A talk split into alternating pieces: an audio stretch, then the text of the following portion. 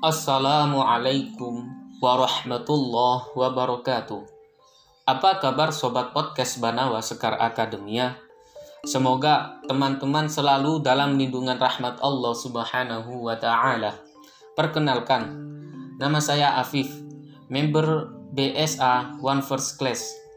Akan bercerita tentang sejarah Islam Nusantara. Nusantara adalah istilah yang dipakai untuk menggambarkan wilayah kepulauan yang membentang dari Sumatera sampai Papua. Di zaman sekarang, sebagian gugusan kepulauan Nusantara merupakan wilayah negara kesatuan Republik Indonesia. Sebelum Islam datang, masyarakat Nusantara telah menganut berbagai kepercayaan. Di masa pra-Hindu-Buddha misalnya, masyarakat di Pulau Jawa menganut kepercayaan yang bercorak animisme dan kepercayaan yang bercorak dinamisme. Nah, setelah agama Hindu dan Buddha datang di Nusantara, masyarakat di pulau-pulau besar seperti Pulau Sumatera, Pulau Kalimantan, dan Pulau Jawa pada zaman klasik memeluk dua agama bumi tersebut. Pada masa itu, banyak lahir kerajaan pada masa itu banyak lahir kerajaan-kerajaan bercorak Hindu-Buddha seperti Kerajaan Sriwijaya, Kerajaan Kutai, Kerajaan Tarumanegara, Kerajaan Mataram kuno, dan kerajaan-kerajaan lain yang tersebar hampir di seluruh kepulauan di Nusantara. Awal mula masuknya Islam di Nusantara diawali dengan siapa pembawa Islam dan kapan waktunya. Ada beberapa teori yang berbeda tentang asal-usul maksudnya Islam ke Nusantara. Dalam literatur sejarah tercatat tiga teori, yakni teori Mekah, teori Persia, teori Gujarat, dan ditambah satu teori baru, yakni teori Tiongkok. Setiap teori memiliki data dan argumen masing-masing yang sama kuatnya, akan tetapi juga memiliki kekurangan. Menurut teori Mekah, Islam mulai memasuki Nusantara pada abad ke-7 Masehi. Pada mulanya, Islam dibawa oleh pedagang dari Arab, terutama pedagang yang berasal dari kaum Alawiyin Hadramaut yang berniaga di Pulau Sumatera, tepatnya di Barus, Sumatera Utara. Dengan ditemukannya bukti arkeologi berupa batu nisan bertuliskan Syekh Rukunuddin yang wafat pada tahun 672 Masehi atau 42 Hijriah di kota Barus. Pedagang Arab dan Nusantara telah menjalin kotak perdagangan sejak abad ke-7 yakni di daerah Sumatera. Ada beberapa fakta tentang teori Mekah yang ditemukan oleh Buya Yahya, seperti fakta di bawah ini. Pertama, gelar Raja Samudra Pasai menggunakan gelar Al-Malik. Nah, gelar tersebut berasal dari Mesir. Kedua, di Samudra Pasai menganut mazhab Syafi'i, sedangkan pengaruh terbesar penyebaran mazhab Syafi'i pada saat itu adalah Makkah dan Mesir. Sehingga Islam yang pertama kali dibawa ke Nusantara berasal dari Arab. Mesir merupakan tempat pengambilan ajaran mazhab Syafi'i, sedangkan di Gujarat hanya tempat transit saja. Namun, teori ini memiliki kelemahan, yaitu kurang peranan orang Arab dalam menyebarkan Islam. Dan sejarawan Indonesia sangat terbuka bahwa mereka tidak bisa melepaskan peranan orang Gujarat dalam menyebarkan Islam di Nusantara. Selanjutnya, teori baru yang berkembang belakangan ini, yakni teori ini juga dikembangkan oleh Buya Yahya, Buya Hamka, berdasarkan tulisan tentang catatan perjalanan Muslim Tiongkok, yakni Qinghu berdasarkan lima fakta berikut ini. Pertama, pada tahun 876 Masehi, terjadi perpindahan atau imigrasi orang-orang Tiongkok ke Palembang. Kedua, Raden Patah, raja pertama kerajaan di Jawa, berasal dari keturunan Tiongkok.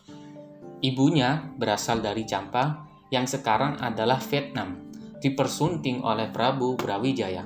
Ketiga, dalam sebuah hikayat Banten ditemukan penyebutan raja-raja di Jaya seperti Jinbun, Cekopo, Cucu.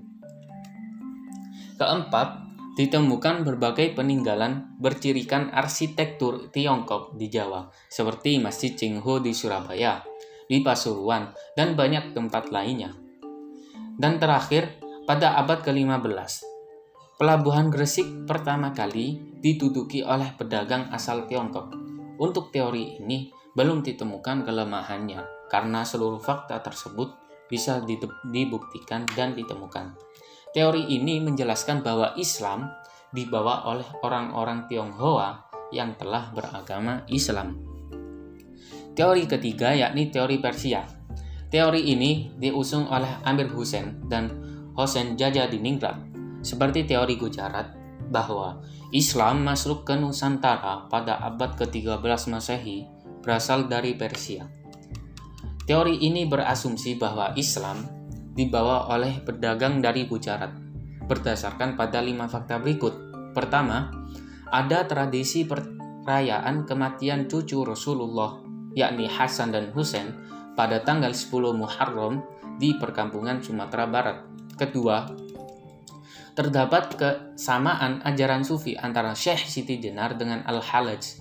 Ketiga, ditemukan makam Maulana Malik Ibrahim di Gresik pada tahun 1419 Masehi.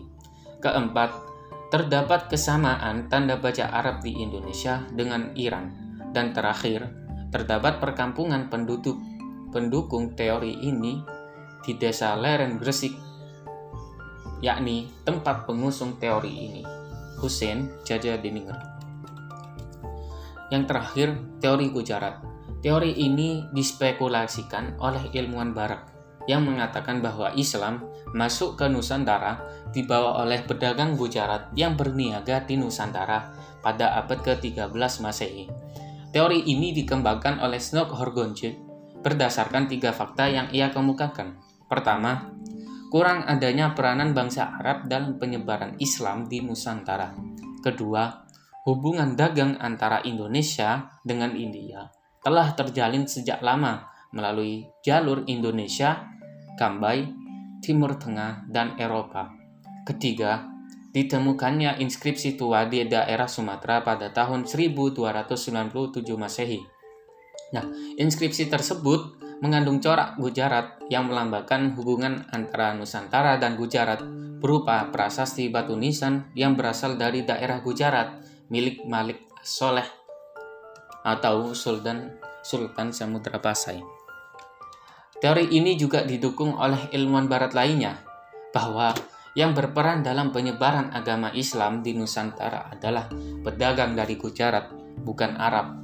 Mereka menemukan kesamaan antara batu nisan milik Maulana Malik Ibrahim yang berada di Gresik pada tahun 1419 Masehi sama dengan batu prasasti milik Sultan Samudra Pasai, yakni sama-sama bercorak khas Gujarat Kemungkinan batu nisan tersebut dibuat oleh orang Gujarat atau diimpor dari sana. Tidak hanya itu, Marco Polo mencatat dalam catatan perjalanannya bahwa pada tahun 1292 di Perlak sudah ada perkampungan pedagang Islam yang berasal dari Gujarat. Ada beberapa sejarawan seperti Buya Hamka yang menolak teori ini didasarkan pada tiga fakta, yaitu satu, dalam teori Gujarat, tidak dijelaskan tentang berkembangnya Islam di Nusantara. 2. Gujarat merupakan daerah beraliran mazhab Hanafi, sedangkan di Indonesia aliran bermadhab Syafi'i. Pada tahun 1000, fakta yang ketiga, pada tahun 1292, di Gujarat masih kawasan beragama Hindu, baru setelah setahun kemudian kawasan itu menjadi beragama Islam. Mayoritas pemeluk Islam di daerah Gujarat beraliran fikih mazhab Hanafi. Lalu, bagaimana bisa terjadi umat Islam beraliran Hanafi mengajarkan mazhab Syafi'i? Lebih tepatnya bahwa mazhab Syafi'i yang dianut umat Islam di Indonesia dibawa oleh pedagang dari Arab. Ditambah lagi bahwa tidak ditemukannya peninggalan Gujarat selain dua prasasti milik Samudra Pasai dan Maulana Malik Ibrahim di Gresik mereka tidak meninggalkan bahasa apa pun juga di Nusantara. Dalam menyebarkan Islam, ada beberapa jalur atau cara yang ditempuh oleh seorang pembawa ajaran Islam di Nusantara. Di arahnya, di antaranya, jalur pertama yang menjadi jalan bagi Islam untuk masuk ke Nusantara adalah perdagangan. Selain membawa barang dagangan dan berniaga, para pedagang itu juga menyebarkan agama Islam kepada penduduk pribumi Nusantara yang waktu itu masih menganut agama Hindu dan Buddha. Contohnya, pedagang dari Arab yang datang ke Barus untuk membeli hasil bumi mereka yang terkenal yakni kapur, Barus, dan mendirikan perkampungan Islam di sana. Jalur kedua yang tidak kalah pentingnya dalam proses Islamisasi di Nusantara adalah jalur perkawinan. Hal ini dilakukan oleh pedagang Muslim dengan menikahi putri bangsawan. Dari perkawinan ini, tidak sedikit dari keturunan mereka yang kelak menjadi ulama dan penyebar Islam di Nusantara. Contohnya pernikahan antara Maulana Ishak dan putri Raja Blambangan yang kemudian melahirkan Sunan Giri. Jalur atau cara ketiga yang dilakukan oleh para penyebar Islam di Nusantara yakni melalui proses struktur sosial dalam masyarakat Derajat sosial tertinggi diduduki oleh para penguasa, raja, atau pemimpin di masing-masing daerah. Para penyebar agama Islam terlebih dahulu mengislamkan kaum bangsawan dan para raja yang notabene memiliki struktur sosial yang tinggi. Dengan berislamnya para raja dan kaum bangsawan tersebut, maka orang pribumi yang struktur sosialnya berada di bawah tingkatannya akan otomatis mengikuti raja mereka untuk memeluk Islam. Jalur keempat penyebaran Islam dengan cara pendidikan. Para penyebar Islam mendirikan pesantren-pesantren seperti pesantren Ampel Denta. Dengan mendirikan pesantren diharapkan mampu melahirkan calon para guru agama, calon para guru agama, kiai, ulama penyebar Islam, ulama dan ulama penyebar ajaran Islam ke seluruh penjuru Nusantara. Cara kelima yang dipakai oleh para penyebar Islam di Nusantara adalah melalui seni dan budaya. Cara ini sering dilakukan oleh Wali Songo saat menyebarkan Islam di tanah Jawa. Cara ini dinilai sangat ampuh karena masyarakat pada waktu itu sangat menyukai berbagai pertunjukan seni dan budaya, seperti wayang yang digunakan oleh Sunan Kalijaga untuk memperkenalkan dan mengislamkan masyarakat Jawa. Dan terakhir, cara yang dipakai oleh para penyebar Islam di Nusantara melalui ajaran tasawuf. Masyarakat Nusantara pada waktu itu memiliki kepercayaan yang sangat kuat terhadap hal-hal yang magis. Maka, jalan tasawuf cukup efektif dalam menyebarkan Islam. Salah satunya adalah Syekh Siti Jenar dengan cara ajaran Manunggal Kawula Gusti yang sukses mengislamkan banyak masyarakat Jawa. Ada beberapa faktor yang membuat Islam di Nusantara mudah diterima oleh masyarakat. Islam mampu diterima masyarakat karena syarat yang ditentukan oleh para penyebar Islam sangat mudah dan murah, yakni cukup mengucapkan dua kalimat syahadat. Seperti diketahui bahwa kalimat syahadat adalah syarat wajib untuk masuk Islam. Akulturasi budaya merupakan faktor kedua sebabnya mudahnya Islam diterima. Akulturasi budaya merupakan proses perpaduan beberapa kebudayaan yang berbeda sehingga melahirkan kebudayaan baru dengan tidak menghilangkan unsur-unsur penting dari masyarakat kebudayaan. Faktor ketiga adalah Islam merupakan agama yang tidak memiliki sistem kasta. Berbeda dengan agama Hindu yang memiliki sistem kasta yang memiliki dampak negatif tentunya, yakni larangan perkawinan lintas budaya atau lintas kasta. Nah, setelah Islam masuk ke Nusantara, perubahan signifikan itu terjadi dalam masyarakat, yakni runtuhnya sistem kasta. Karena hal ini tidak didapati dalam ajaran Islam. Dan Islam menawarkan sistem baru, yakni sistem sama rata. Lalu, faktor keempat adalah ibadah yang dilakukan oleh agama Islam sangat mudah, seperti sholat, puasa, Zakat hanya berlaku bagi orang yang telah mempunyai nafkah. Dan haji bagi orang yang mampu baik dari segi fisik maupun finansial.